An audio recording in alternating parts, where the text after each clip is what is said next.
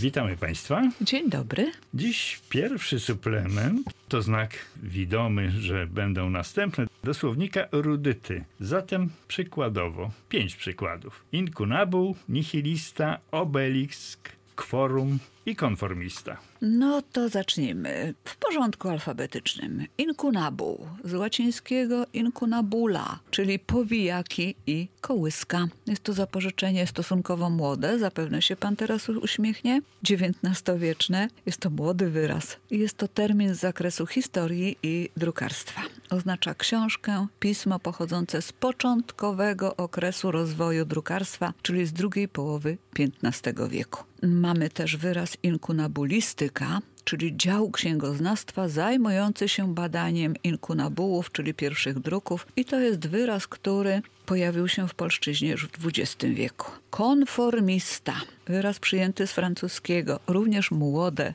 zapożyczenie. Oznacza książkowo człowieka, który bezkrytycznie zgadza się z pewnymi normami, poglądami, wartościami, przystosowuje się do nich najczęściej dla własnej wygody. No I nonkonformista, czyli odwrotność tego. Nihilista jest odwrotnością też Aha. chyba, tak? Mamy też wyraz dla porządku konformistka, konformistycznie, konformistyczny i konformizm. W XIX wieku żywy był w polszczyźnie również wyraz konformacja i oznaczał, ładny wyraz, prawda? Konformacja oznaczał zgodę, zgadzanie się, harmonię, ale nie miał nic wspólnego z wygodą. Tutaj konformista dla wygody. I nihilista, również francuskie zapożyczenie. Proszę popatrzeć, to z francuskiego przyszło do nas. No, była kiedyś taka moda w polszczyźnie, tak, prawda? XIX-wieczne. Pierwotnie wyraz miał znaczenie religijne. Nihilista był to człowiek zaprzeczający wszelkim wierzeniom. Dzisiaj rozszerzyło się znaczenie tego wyrazu i nihilista to człowiek nieuznający żadnych wartości, negujący wszystko. To jest to pierwsze podstawowe znaczenie. Przejdźmy do następnego wyrazu, to obelisk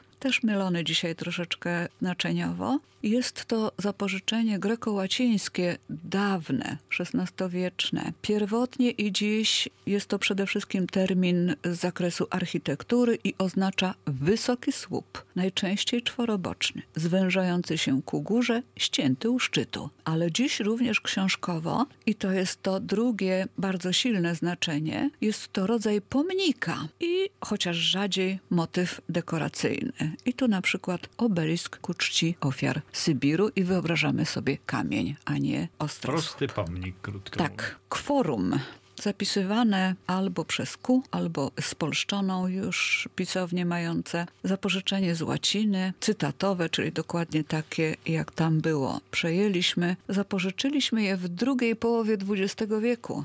Jest to zapożyczenie fakultatywne, które ma materię w łacinie, ale nie wiemy do dzisiaj, czy przyjęliśmy ten wyraz z rosyjskiego, czy z niemieckiego, czy z francuskiego, czy z angielskiego. Jest to klasyczny przykład internacjonalizmu, czyli wyrazu funkcjonującego w tym samym znaczeniu, przynajmniej w trzech językach należących do trzech różnych rodzin językowych. Według Andrzeja Bańkowskiego to wyraz y, Andrzej Bańkowski w swoim słowniku etymologicznym wskazywał dokładne daty zapożyczeń. Jest to zapożyczenie z 1949 roku. Co oznacza? Oznacza liczbę członków jakiegoś zgromadzenia niezbędną do prowadzenia obrad, prawomocności uchwał, ustaw czy wyborów. I jest to wyraz książkowy, ale znany. A na poczcie, pani profesor, dylemat stary jak świat, czyli solenizant czy jubilat. Kiedy i dlaczego? Tak, tu mamy przykład niebezpiecznego zbliżania się znaczeniowego tych dwóch wyrazów, a różnią się one bardzo istotnie. Otóż solenizant czy solenizantka to osoba obchodząca swoje urodziny lub imieniny, albo urodziny i imieniny, bo tak też się zdarza błędnie używamy wyrazu solenizant na oznaczenie osoby świętującej jakąkolwiek rocznicę ważnego wydarzenia ze swojego życia. To jest błędne, ponieważ osoba obchodząca jubileusz, czyli ważną, okrągłą rocznicę istnienia czegoś, to jubilat, jubilatka i jubilaci obchodzimy jubileusz, na przykład 50-lecia ślubu, firmy 25-lecia ślubu. Błędnie też wyraz jubileusz używany jest do oznaczenia każdej rocznicy. Na przykład Aha. mówi się jubileusz dziewięciolecia ślubu. Nie, to musi być okrągła liczba. Z tym zerem na końcu. Tak, tu musimy powiedzieć, to 25 jest też do tego podciągnięte i 75, ale tu możemy powiedzieć jubileusz dwudziestolecia ślubu, 25-lecia, a tu mamy na myśli dziewiątą rocznicę ślubu. Jest to dziewiąta rocznica ślubu, zatem wyrazy różnią się, ale tak jak mówiłam, niebezpiecznie się nakładają na siebie. Bardzo dziękuję pani profesor za wyjaśnienia, Dziękuję. a państwu za uwagę. Na kolejną gimnastykę języka zapraszam już za tydzień o zwykłej porze. Do usłyszenia.